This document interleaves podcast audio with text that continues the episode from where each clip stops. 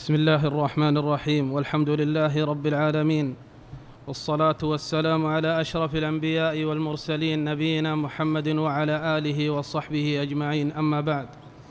اللهم اغفر لنا ولشيخنا وللمسلمين. قال العلامة عبد الرحمن بن ناصر السعدي رحمه الله تعالى بسم الله الرحمن الرحيم وبه نستعين. الحمد لله نحمده ونستعينه ونستغفره. ونتوب إليه ونعوذ بالله من شرور أنفسنا وسيئات أعمالنا.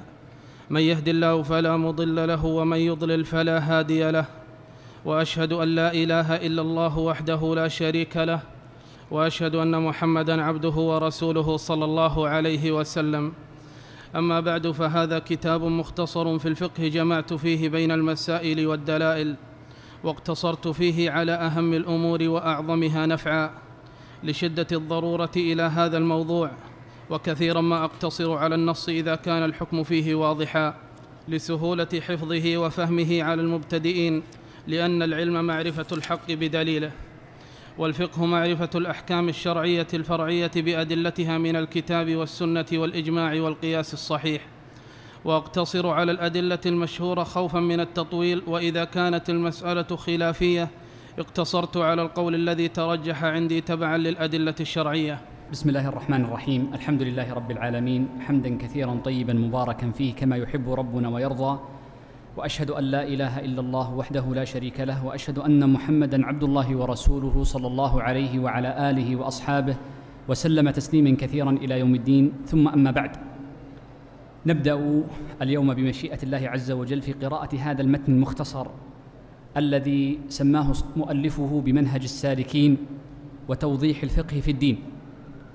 وهذا المختصر أبان المصنف في مقدمته غرضه من تصنيفه وطريقته فيه. فأما غرضه من تصنيفه فإن غرضه أن يكون للمبتدئين. وقد وفى بما أراد من غرض هذا الكتاب. فإن هذا الكتاب من أنسب الكتب التي يبتدئ بها طالب العلم. فمن أراد أن يتعلم الفقه فإن الفقه إنما يتعلم ويعرف من طريق هذه المختصرات. ومن أنسب المختصرات أن يبتدئ به طالب العلم هذا المختصر الذي بين أيدينا. وسبب تفضيل هذا المختصر على غيره في البداءة بالعلم لأمور. الأمر الأول أن مؤلفه أوجز عباراته وحذف كثيرا من حشو المسائل واقتصر على المسائل الكبار المهمة كما أشار لذلك فقال واقتصرت على أهم الأمور. فاقتصر على رؤوس المسائل دون تفريعاتها ودون ما يكون بعد ذلك مبنيا عليها. الأمر الثاني أن ألفاظ هذا الكتاب ألفاظ سهلة ولذا فإنه يسهل على طالب العلم أن يتعلمه. وكثير من طلبة العلم إنما يستصعب الفقه لفوات هذين السببين فتارة لصعوبة ألفاظ المختصرات وكثرة الضمائر فيها وكثرة الغريب من الألفاظ وكثرة الألفاظ المهجورة غير المستعملة فيستصعب هذه المختصرات حتى لربما عدها الغازا بل قد ذكر بعض المتقدمين من الفقهاء أن بعض المصنفين يتعمد تصعيب المختصرات حتى لا يتسور على هذا العلم غير أهله.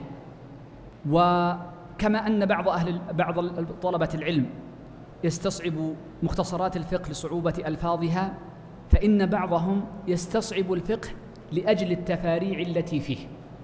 وكم من امرئ إذا بدأ في كتب الفقه فقرأ في كتاب الطهارة مفتتحا بباب المياه فرأى ما فيه من التفريع والتشقيق وما فيه من التقسيم والتنويع لا استشكل هذا الباب واستصعبه ثم استصعب كتاب الفقه أو علم الفقه كله حتى إنه مما يستطرف أن أحد المشايخ عليه رحمة الله كان يقول لا أحصي الذين بدأوا علي في قراءة متون الفقه ولكن أغلبهم يبدأ بكتاب الطهارة ولا يجاوز باب إزالة النجاسة لأنه يستصعب الفقه ولا يستمر عليه. ولذا فإن مما يقوي طالب العلم في الاستمرار أن يكون الكتاب الذي بدأ به سهلا وأن يكون مختصرا. فإذا أنجز هذا الكتاب وأتمه فإنه يكون قد نال علما جيدا ومر على جل أبواب الفقه فحينئذ قد حصل درجة من درجات العلم. من خصائص هذا المختصر الذي بين أيدينا أن مصنفه عني بغرض عظيم جدا. قلما يوجد في المختصرات وهو العناية بالأدلة. إذ جرت عادة العلماء رحمهم الله تعالى أنهم في المختصرات أنهم لا يريدون الأدلة وإنما يريدون الفروع الفقهية مقتصرين عليها. لا لكون الأدلة غير مهمة وإنما نظرا لأن غرض المختصرات إيراد الفروع لا إيراد الأدلة. ولذا جرى في اصطلاحهم أن الكتاب يسمى مختصرا إذا كان مجردا عن الأدلة ولو كان طويلا. فالكتاب إذا لم يكن فيه أدلة سموه بالمختصر حتى إنهم سموا كتاب أبي محمد آه، كتاب الشيخ محمد بن مفلح الفروع سموه بالمختصر مع أنه طبع في أجزاء وليس في جزء واحد. إذا مصطلح المختصر عند كثير من العلماء يقصدون به ما كان مقابلا لما فيه الأدلة. بيد أن المؤلف في هذا الكتاب جعل هذا المختصر فيه نصوص شرعية كثيرة بطريقين. الطريق الأول إذا كان النص موفيا بالغرض دالا على الحكم واضحا فيه اقتصر على النص ولم يذكر الفرع الفقهي. فيكون الفرع الفقهي هو النص الشرعي. والحالة الثانية أنه يذكر في كل باب الأحاديث التي هي أصول فيه في الغالب. ولذلك فإن هذا المختصر على وجازة ألفاظه وقلة صفحاته حوى عددا كبيرا من النصوص الشرعية ففيه أكثر من خمسين آية وفيه أكثر من مئتين وخمسين حديثا. فلو أن طالب العلم حفظ هذا المختصر فإنه يكون حفظ هذا الجم الكبير من النصوص من كتاب الله عز وجل وأحاديث المصطفى صلى الله عليه وآله وسلم. إذا قارنت هذا العدد من الأحاديث مع ما جاء من أحاديث العمدة عمدة الأحكام فإن أحاديث عمدة الأحكام تزيد على الثلاثمائة وتنقص عن الأربعمائة تقريبا. فدل على أن عدد الأحاديث الواردة في هذا المختصر كبيرة. ولذا فإن العلم إذا كان مدعوما بقال الله قال رسوله فإنه حينئذ ترى فيه نورا. وترى فيه بركة ولا شك. ليس معنى ذلك أن المختصرات الفقهية التي جردت عن الأدلة خطأ. لا بل إن لها غرضا كما أن لغيرها من المطولات غرضا وكما أن لما حكى الخلاف غرض. فلكل مؤلف غرض يختلف عن غرض غيره. المسألة الأخيرة معنا في هذا الكتاب في تعريف به أن هذا الكتاب بناه في الأصل على مذهب الإمام أحمد. تبويبا وترتيبا وتقسيما. أما الترتيب فللأبواب وأما التقسيم فللمسائل في تحت الباب.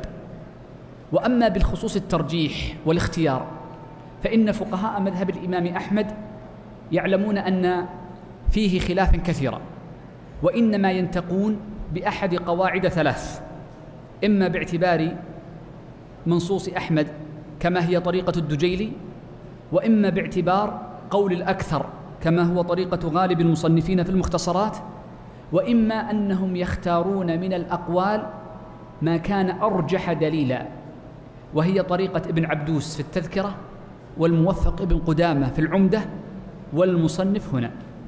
ولنعلم أن المصنف في كتابه كله من أوله إلى آخره لم يخرج عن مذهب الإمام أحمد إما في الرواية الأولى أو الرواية الثانية التي ينتصر لها غالبا الشيخ تقي الدين أو أحد تلامذته. وقبل أن نبدأ بالمسائل التي أوردها المصنف أريد أن أبين لطالب العلم أن هذا الكتاب إنما هو بداية وليس نهاية. فالمرء ينتفع بهذا الكتاب بمعرفة بعض العلم إذ العلم تراكمي.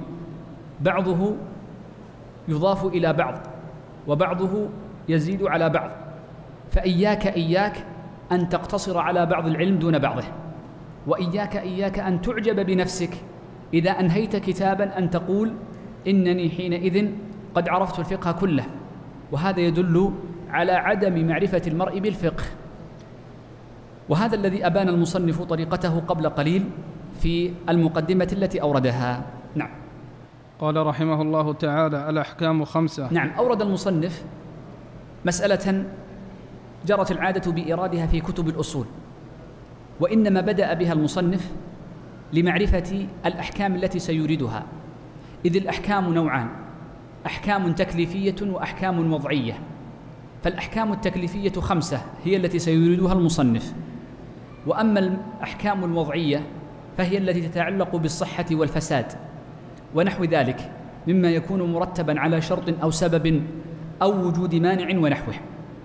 وإنما أورد المصنف الأحكام الوضعية ابتداء لكي يعلم طالب العلم القارئ لهذا الكتاب ما هي دلالة هذه الألفاظ الخمس وهي الوجوب والتحريم والكراهة والندب والإباحة.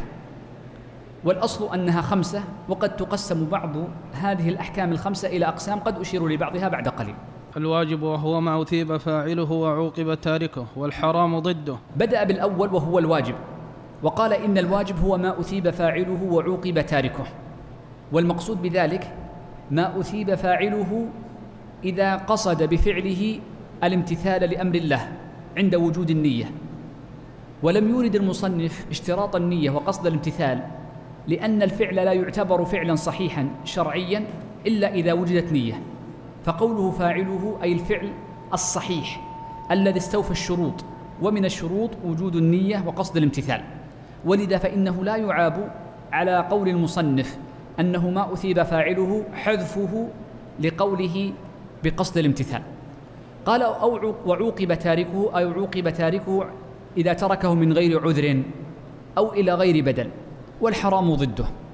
هذه الجملة نستفيد منها غير معرفة معنى الواجب والمحرم أننا نقول إن المعتمد عند فقهائنا أنه لا فرق بين الفرض وبين الواجب فهما مترادفان في الجملة. وقلت في الجملة لما؟ لأن بعضا من المتأخرين يفرق في بعض الأبواب بين الفرض وبين الواجب فيجعلون ما كان من الأركان فرضا وما كان من الواجبات يسمونه واجبا مثل الصلاة يقولون إن لها فروضا ويعنون بفروضها أركانها ولها واجبات وواجباتها المعروفة التي ستأتينا إن شاء الله بعد وهكذا يقال أيضا في الحج ويقال غيرها مما يكون فيه ركن وغيره. فلكي يفرقوا بين الركن والواجب يسمون الركن فرضا وهذا من باب الاستعمال. وإلا فكلاهما كحكم تكليفي هو واجب لأنه يثاب على فعله ويعاقب على تركه. والدليل على الفرض والواجب واحد سواء كان دليلا قطعيا من كتاب أو سنة أو دليلا ظنيا. الفرق بين الركن والواجب غرضهم فيه أن الركن لا يسقط بالنسيان. بينما الركن والواجب يسقط بالنسيان حيث كان للفعل واجب وركن. نعم. والمكروه ما أثيب تاركه ولم يعاقب فاعله. نعم قال والمكروه ما أثيب تاركه إذا تركه قاصدا الامتثال لأمر الله عز وجل وأمر رسوله صلى الله عليه وسلم ولم يعاقب فاعله. ولذا فإن بعضا من الأصوليين جعل المكروه أحد أنواع المحرم أحد أنواع المنهي عنه باعتبار أنه منهي عنه على غير وجه الجزم والإلزام. وبعضهم جعله أحد أنواع المباح لأنه نظر للشق الثاني وهو كونه لم يعاقب فاعله. نعم.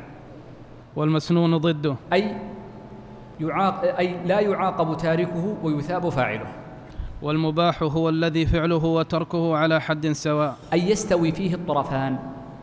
وهناك أمور لم يوردها المصنف يوردها الفقهاء وهو ما كان خلاف الأولى. وخلاف الأولى يذكره العلماء الأصوليون في داخلا في الكراهة. وأما الفقهاء فإنهم يفرقون بين خلاف الأولى وبين المكروه. فإنهم يرون أن أن كل مسنون فإن تركه تارة يكون خلاف الأولى وتارة يكون مكروها. إذ المسنون الذي تكون سنته مؤكدة تركه مكروه والمسنون الذي تكون سنته غير مؤكدة يكون تركه خلاف الأولى. نعم. وسيأتي في الأصول إن شاء الله. ويجب على المكلف أن يتعلم منه كل ما يحتاج إليه في عباداته ومعاملاته وغيرها. قال صلى الله عليه وسلم من يرد الله به خيرا يفقهه في الدين متفق عليه. نعم هذه مسألة مهمة وهو أن الفقه في الدين واجب. وقد جاء في مسند الإمام أحمد أن النبي صلى الله عليه وسلم قال طلب العلم فريضة على كل مسلم وفي لفظ ومسلمة. وهذا العلم الذي يكون فريضة على كل مسلم ومسلمة إنما هو العلم الذي يحتاج إليه المسلم والمسلمة. فإن كل مسلم ومسلمة محتاج إلى معرفة الله عز وجل وتوحيده وإفراده بالعبادة. فيجب عليه أن يتعلم من ذلك ما يؤدي إليه. كما قال الله جل وعلا فاعلم أنه لا إله إلا الله واستغفر لذنبك. كما أنه يجب على كل مسلم ومسلمة إذا كلف أن يتعلم أحكام الصلاة والصوم حيث لا مانع. والحج والزكاة إن كان مستطيعا الحج ومالكا النصاب بشروطه الأخرى فيجب عليه أن يتعلم أحكامه. ومثله يقال أيضا في البيع والشراء. ولذا جاء عن عمر بن الخطاب رضي الله عنه أنه قال لقد هممت أن آمر فأن فأمنع الصراف أي الذين يتعاملون بالصرافة أن أمنع الصراف من دخول السوق حتى يتعلموا أحكام البيع والربا. فدلنا ذلك على أن من باشر امرا وجب عليه أن يتعلم حكمه.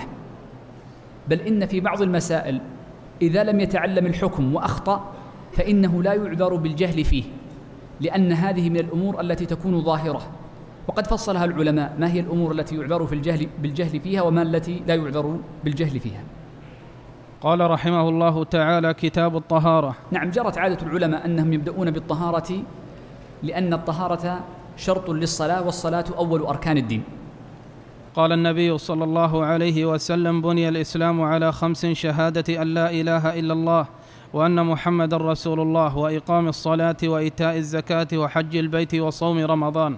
متفق عليه. نعم هذا الحديث حديث ابن عمر رضي الله عنهما وجاء من حديث غيره رضي الله عن الجميع. أن النبي صلى الله عليه وسلم قال بني الإسلام على خمس. وهذه المباني تسمى المباني الخمس للدين. وهي شهادة أن لا إله إلا الله وأن محمدا رسول الله وإقام الصلاة وإيتاء الزكاة وحج البيت لمن استطاع إليه سبيلا وصوم رمضان. وقد جاء في بعض الألفاظ تقديم بعض جملها على بعض. هذا الحديث من أحاديث الأصول.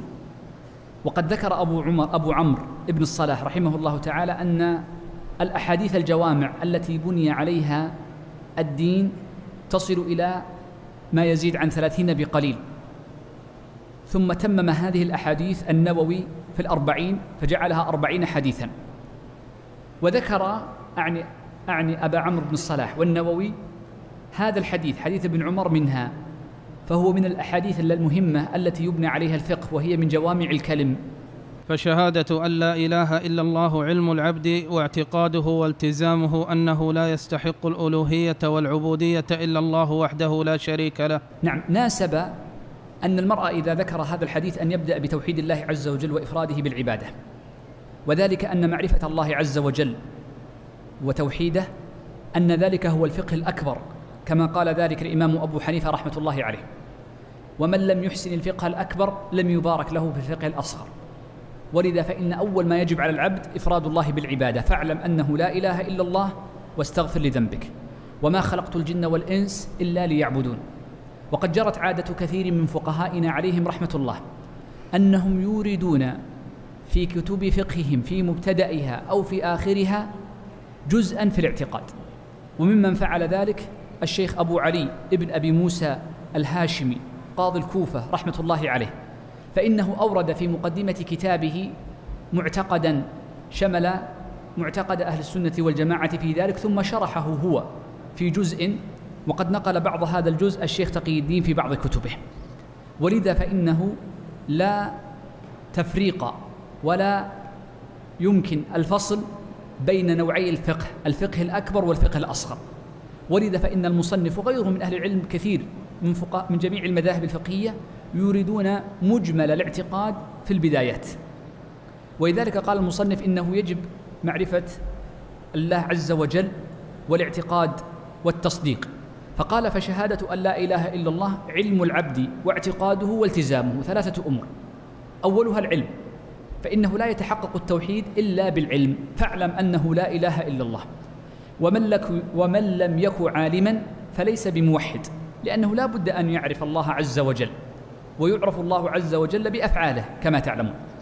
قال واعتقاده أي اعتقاده الصدق فلا بد أيضا من الاعتقاد ولذلك فلا بد من علم واعتقاد معا وهو التصديق. ولا يكفي المعرفة فقط كما زعم بعض الناس بل لا بد من العلم وهو المعرفة. وإنما يتفاضل الناس فيه قوة في الإيمان ونقصا بحسب علمهم بالله سبحانه وتعالى وبشرعه. فإن أهل السنة والجماعة أجمعت كلمتهم على أن الإيمان يزيد وينقص يزيد بالطاعة وبالعلم. وينقص بالمعصية وبالجهل. دليل أن العلم يزيد في الطاعة. قول النبي صلى الله عليه وسلم أنا أعلمكم بالله وأتقاكم له. فقرن النبي صلى الله عليه وسلم بين وصفين ومن دلائل الإيماء والتنبيه للعلة قرن الحكم بوصف لو لم يكن الوصف علة له لكان ذكره لغوا وكلام الشارع منزه عنه. فدلالة الاقتران هنا تدل على أن العلم يزيد بالله علما. فالعلم بالله وبأسمائه وبصفاته والعلم بأحكامه والعلم بأفعاله والتفكر فيها كل ذلك مما يزيد إيمان المرء ويقينه به سبحانه وتعالى. الجملة الثانية قوله واعتقاده أي اعتقاده الصدق واعتقاده صحة ذلك. والأمر الثالث قال التزامه أي التزام بما علم. ولذلك فإن من أهم الأمور في التوحيد أن لا يأتي بناقض فمجرد العلم ومجرد التصديق لا ينفعان إن لم يأتي بناقض. لا ينفعان إن أتى بناقض. لا ينفعان إن أتى بناقض. ولذلك فإن من التزام التوحيد عدم الإتيان بنواقضه سواء كانت أفعالا أو كانت تروكا ولذلك قال الشيخ هو علم العبد واعتقاده والتزامه أنه لا يستحق الألوهية والعبودية إلا الله وحده لا شريك له. وانظر لفقه الشيخ رحمه الله تعالى. فإنه ذكر الألوهية. لأن الإيمان بالألوهية يستلزم الإيمان بالربوبية. كما أن الإيمان بالألوهية يقتضي الإيمان بالأسماء والصفات. لأن أنواع التوحيد هذه بعضها مقتض لبعض ومستلزم لبعض. والذي خالف فيه مشرك الجاهلية ومن بعدهم إنما هو في توحيد الإلهية. ولذا كان من أهم أنواع الأمور التي تحتاج إلى تبيين. وكثير من من الأمور القادحة في توحيد الإلهية قد تندرج في كتب الفقه. ولذا فإن الفقيه إذا عبد الله عز وجل على الطريقة السوية استقام له توحيده بإذن الله عز وجل. نعم. قال رحمه الله قال رحمه الله تعالى فيوجب ذلك على العبد إخلاص جميع الدين لله تعالى وأن تكون عباداته الظاهرة والباطنة كلها لله وحده وأن لا يشرك به شيئا في جميع أمور الدين. نعم هذه مسألة مهمة وهي قضية الحديث عن الإخلاص. وقد ذكر العلامة ابن رجب رحمه الله تعالى أن الفقهاء يقصرون في الحديث عنه لأنهم إنما يتكلمون عن نية القصد فقط. إذ النية نوعان نية الإخلاص وعدم الرياء والشرك والنية الثانية نية القصد. قال والفقهاء يتكلمون عن الثاني ويهملون الأول. ولذا فإن طالب العلم يجب عليه أن يعنى بأفعال قلبه إخلاصا لله عز وجل ومحبة له سبحانه وتعالى وتعلقا به وتوكلا عليه. واعلم أنه كلما ازداد العلم كلما ازداد التعلق بالله عز وجل إن كان العلم نافعا. كما جاء في الخبر إنما العلم الخشية. فكل علم لا يفيد صاحبه خشية وتوحيدا لله عز وجل وتعلقا به جل وعلا. وصدق توكل وإنابة واستعانة به فإنه ليس بالعلم النافع. وإنما ربما كان ذلك العلم الذي تعلمه المرء علما ضارا غير نافع. وقد كان النبي صلى الله عليه وسلم يستعيذ بالله من علم لا ينفع. وأنت أيها الموفق إذا تعلمت علما أو, أو جلست في درس فاختبر نفسك في أمرين. اختبرها باعتبار قلبك. هل زاد قلبك تعلقا بالله عز وجل؟ وزاد إيمانا به سبحانه وتعالى. فإن هذا علامة الانتفاع بهذا العلم. وقد كان الصحابة إذا أرادوا أن يزدادوا علما قالوا تعال نؤمن ساعة فيتلون آيات كتاب الله عز وجل ويتدارسونها. ذلك هو العلم. الأمر الثاني إذا أردت أن تبتلي علمك أهو نافع أم ليس بنافع فانظر في عملك. هل أصبح عملك بعد ذلك مستقيما على سنة وصواب أم أنه ليس كذلك؟ فإن صلاة العالم وطالب العلم ليست كصلاة غيره فإن الأول يقتدي في حركاته وسكناته بالسنة. كذلك انظر في عملك هل ازداد إنابة وقنوتا وكثرة طاعة أم ليس كذلك؟ ولذا من أراد أن يعلم هل علمه نفع أم لا فلينظر في هذين الأمرين ينظر في قلبه وينظر في عمل جوارحه. فإن لم ير تغيرا في ذلك بل لربما رأى نقصا فليراجع نفسه وليلمها. فإن نفس المؤمن لوامه. وإياك أن تكون ممن استغفله الشيطان فترك العلم بحجة أنه لم ينتفع به. فذلك جهل مركب وأيم الله. وهذا معنى قول المصنف يوجب ذلك إخلاص جميع الدين لله عز وجل. أي كما قال الله عز وجل قل إن صلاتي ونسكي ومحياي ومماتي لله رب العالمين. وقد جاء عن النبي صلى الله عليه وسلم أنه قال من يرد الله به خيرا يستعمله أي يستعمله في الطاعة. وفي الحديث الآخر من يرد الله به خيرا يفقهه في الدين. فدل على أن من أعظم الاستعمال الفقه في الدين. وفي كتاب الله عز وجل ومن يرد الله آه، ومن يرد الله أن يهديه ويشرح صدره للإسلام. فالإسلام والعلم والاستعمال في الطاعة والهداية للناس كلها بإرادة الله عز وجل الكونية التي يصرفها لمن أحب سبحانه وتعالى. قال وأن تكون عباداته الظاهرة والباطنة لله وحده. الظاهرة والباطنة المراد بالظاهرة أي ما يراها الناس والباطنة ما كانت من عبادات السر. واعلم أيها الموفق أن لعبادات السر أثرا في القلوب عظيم جدا. فكلما كانت كلما كان المرء له سريرة مع الله عز وجل كلما كان ذلك له أثر في حياته. ومن أعظم ومن أحسن من تكلم عن عبادات السر وأثرها الشيخ تقي الدين في أول كتاب الاستقامة فإن له كلاما نفيسا يراجع في محله. قال وألا يشرك به شيئا في جميع أمور الدين. قل إن صلاتي ونسكي ومحياي ومماتي لله رب العالمين. لا شريك له وبذلك أمرت. فلا يصرف لله عز وجل أي أنواع العبادات. وهذا من فقه المرء ألا يصرف العبادات إلا لله عز وجل وحده. ولذلك فإن صرف العبادة لغير الله عز وجل شرك. قد يكون شركا أكبر وقد يكون شركا أصغر. والنبي صلى الله عليه وسلم حذر من النوعين معا. نعم. قال رحمه الله تعالى وهذا أصل دين جميع المرسلين وأتباعهم كما قال تعالى وما أرسلنا من قبلك من رسول إلا نوحي إليه أنه لا إله إلا أنا فاعبدون. نعم. يقول إن هذا الإخلاص لله عز وجل الأنبياء فيه سواء كلهم أمروا به. ولم يختلف أحد عن أحد فيه شيئا في الجملة. قلت في الجملة لأن الإيمان بالرسل قد يكون مجملا وقد يكون مفصلا والإيمان باليوم الآخر قد يكون مجملا وقد يكون مفصلا. دليله أن النبي صلى الله عليه وسلم قال ما من نبي إلا وحذر أمته الدجال وإني سأذكر من نعته ما لم يذكره نبي. فمن تفصيل بعض أخبار يوم القيامة أخبار ذكرها النبي صلى الله عليه وسلم لنا لم يذكرها نبي قبله. ولذلك قلنا إنها في الجملة. إذ التفصيل فصل النبي صلى الله عليه وسلم تفصيلا لم يفصله أحد من الأنبياء قبله عليه أفضل الصلاة وأتم التسليم وهذا لشرفه صلى الله عليه وآله وسلم. ولكن الأنبياء يختلفون في الشرائع والأحكام الفروعية وهذا معنى قول النبي صلى الله عليه وسلم إن الأنبياء إخوة علات أبوهم واحد وأمهاتهم شتى فكلهم جميعا متفقون على الفقه الأكبر وهو إفراد الله بالعبادة ويفترقون في الأحكام الفروعية التكليفية الأخرى. وشهادة أن محمدا رسول الله أن يعتقد العبد أن الله أرسل محمدا صلى الله عليه وسلم إلى جميع الثقلين الإنس والجن بشيرا ونذيرا يدعوهم إلى توحيد الله وطاعته بتصديق خبره وامتثال أمره واجتناب نهيه. نعم. ذكر المصنف رحمه الله تعالى الركن الثاني من أركان الشهادة وهي الشهادة أن محمدا رسول الله. قال ومعنى هذه الشهادة أن يعتقد فلا بد من الاعتقاد مع العلم. فإن الاعتقاد يستلزم فإن العلم يستلزم الاعتقاد والتصديق. قال أن يعتقد العبد أن الله أرسل محمدا صلى الله عليه وسلم إلى جميع الثقلين. فقوله أرسل محمدا يدل على الاصطفاء.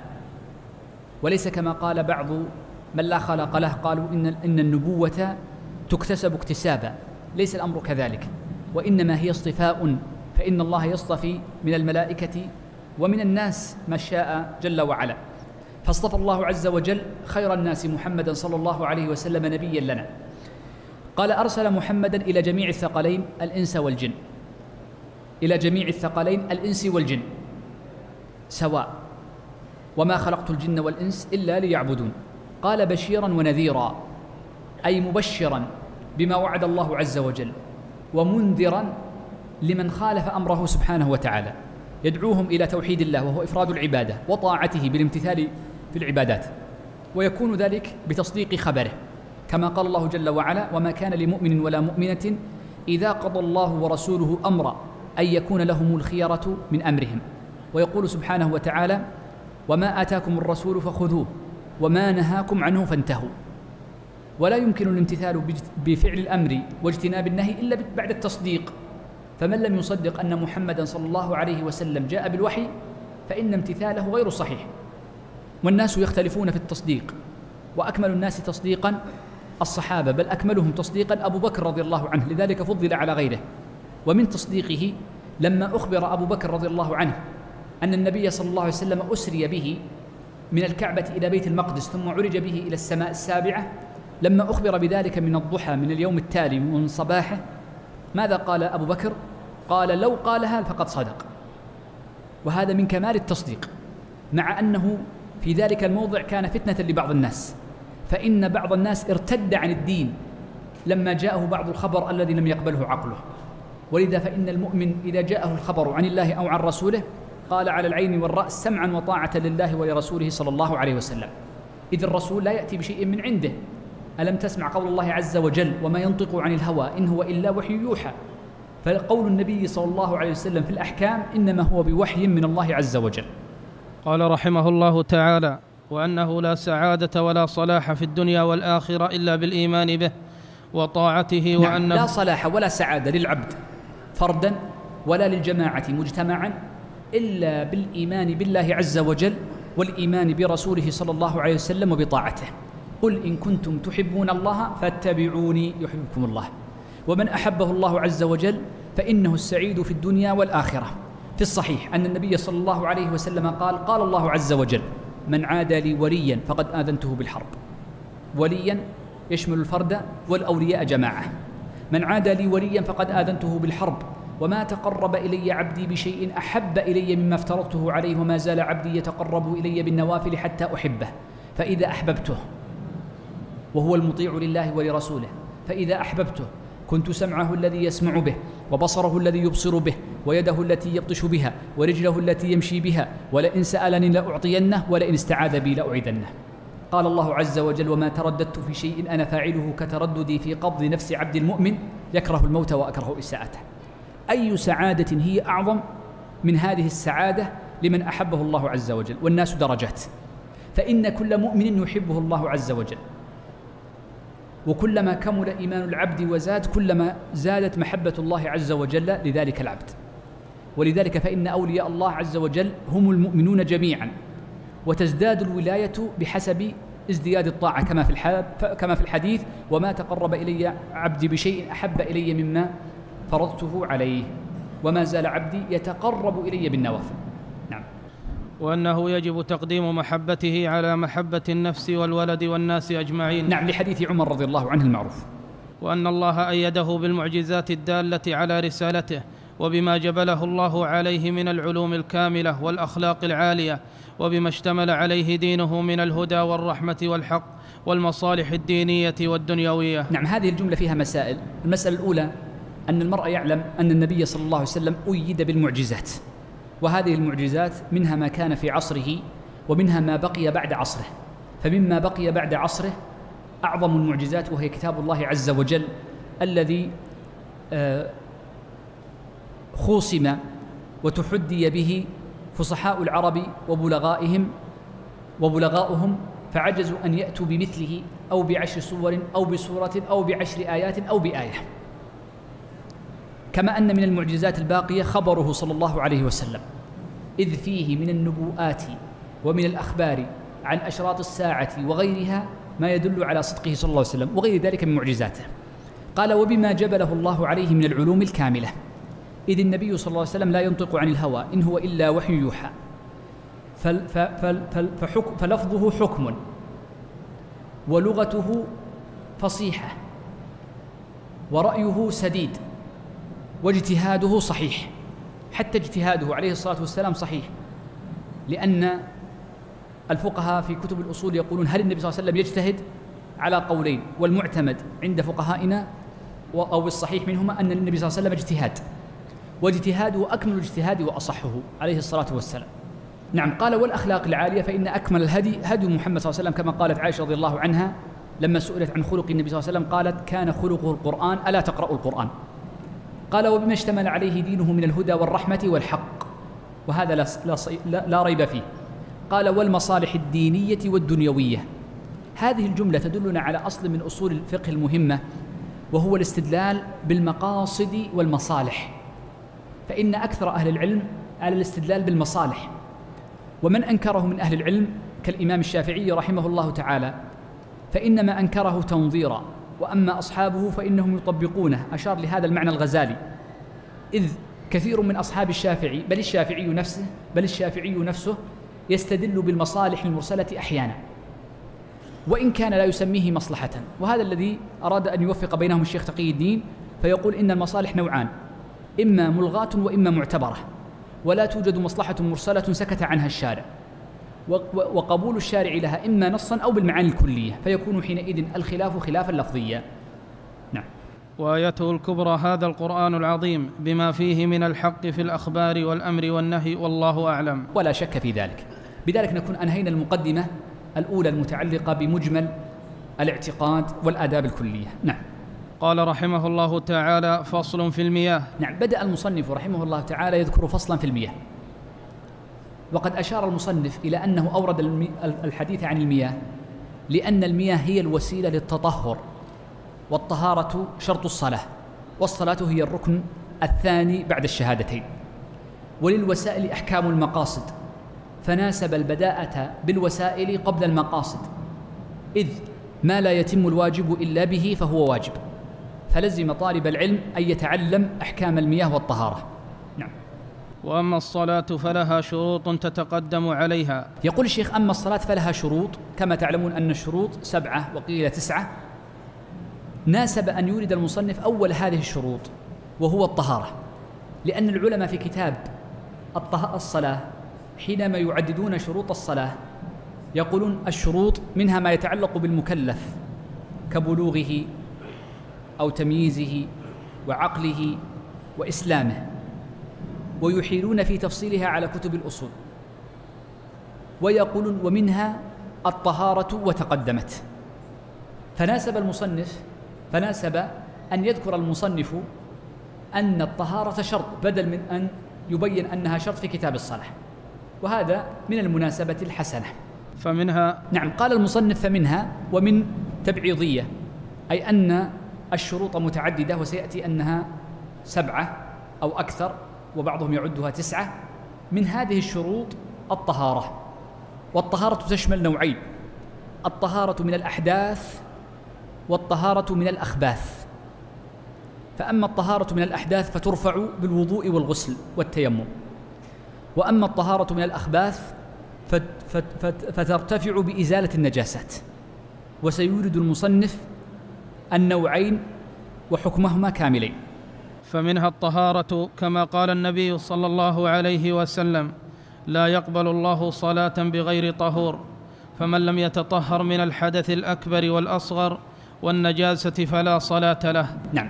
بدأ المصنف رحمه الله تعالى بالطهارة من الأحداث وبين أن الطهارة من الأحداث تكون من حدثين الحدث الأصغر والحدث الأكبر. فأما الحدث الأصغر فإن له نواقض ثمانية سيأتي ذكرها.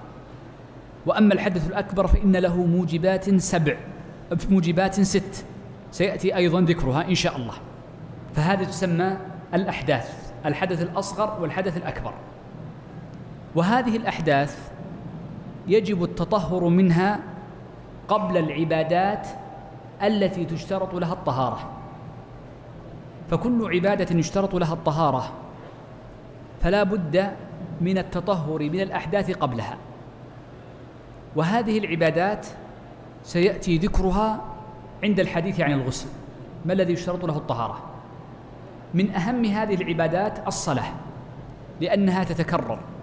وقد جاء فيها حديث ابن عمر في الصحيحين أن النبي صلى الله عليه وسلم قال لا يقبل الله صلاة بغير طهور أي بغير تطهر بغير تطهر.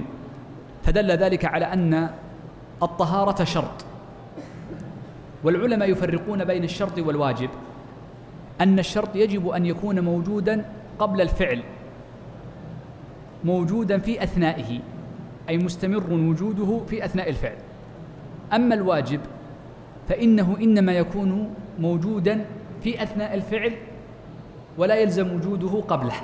هذا الفرق الأول بين الواجب والشرط. الفرق الثاني أن الواجب يسقط بالنسيان وأما الشروط فلا تسقط بالنسيان كالأركان.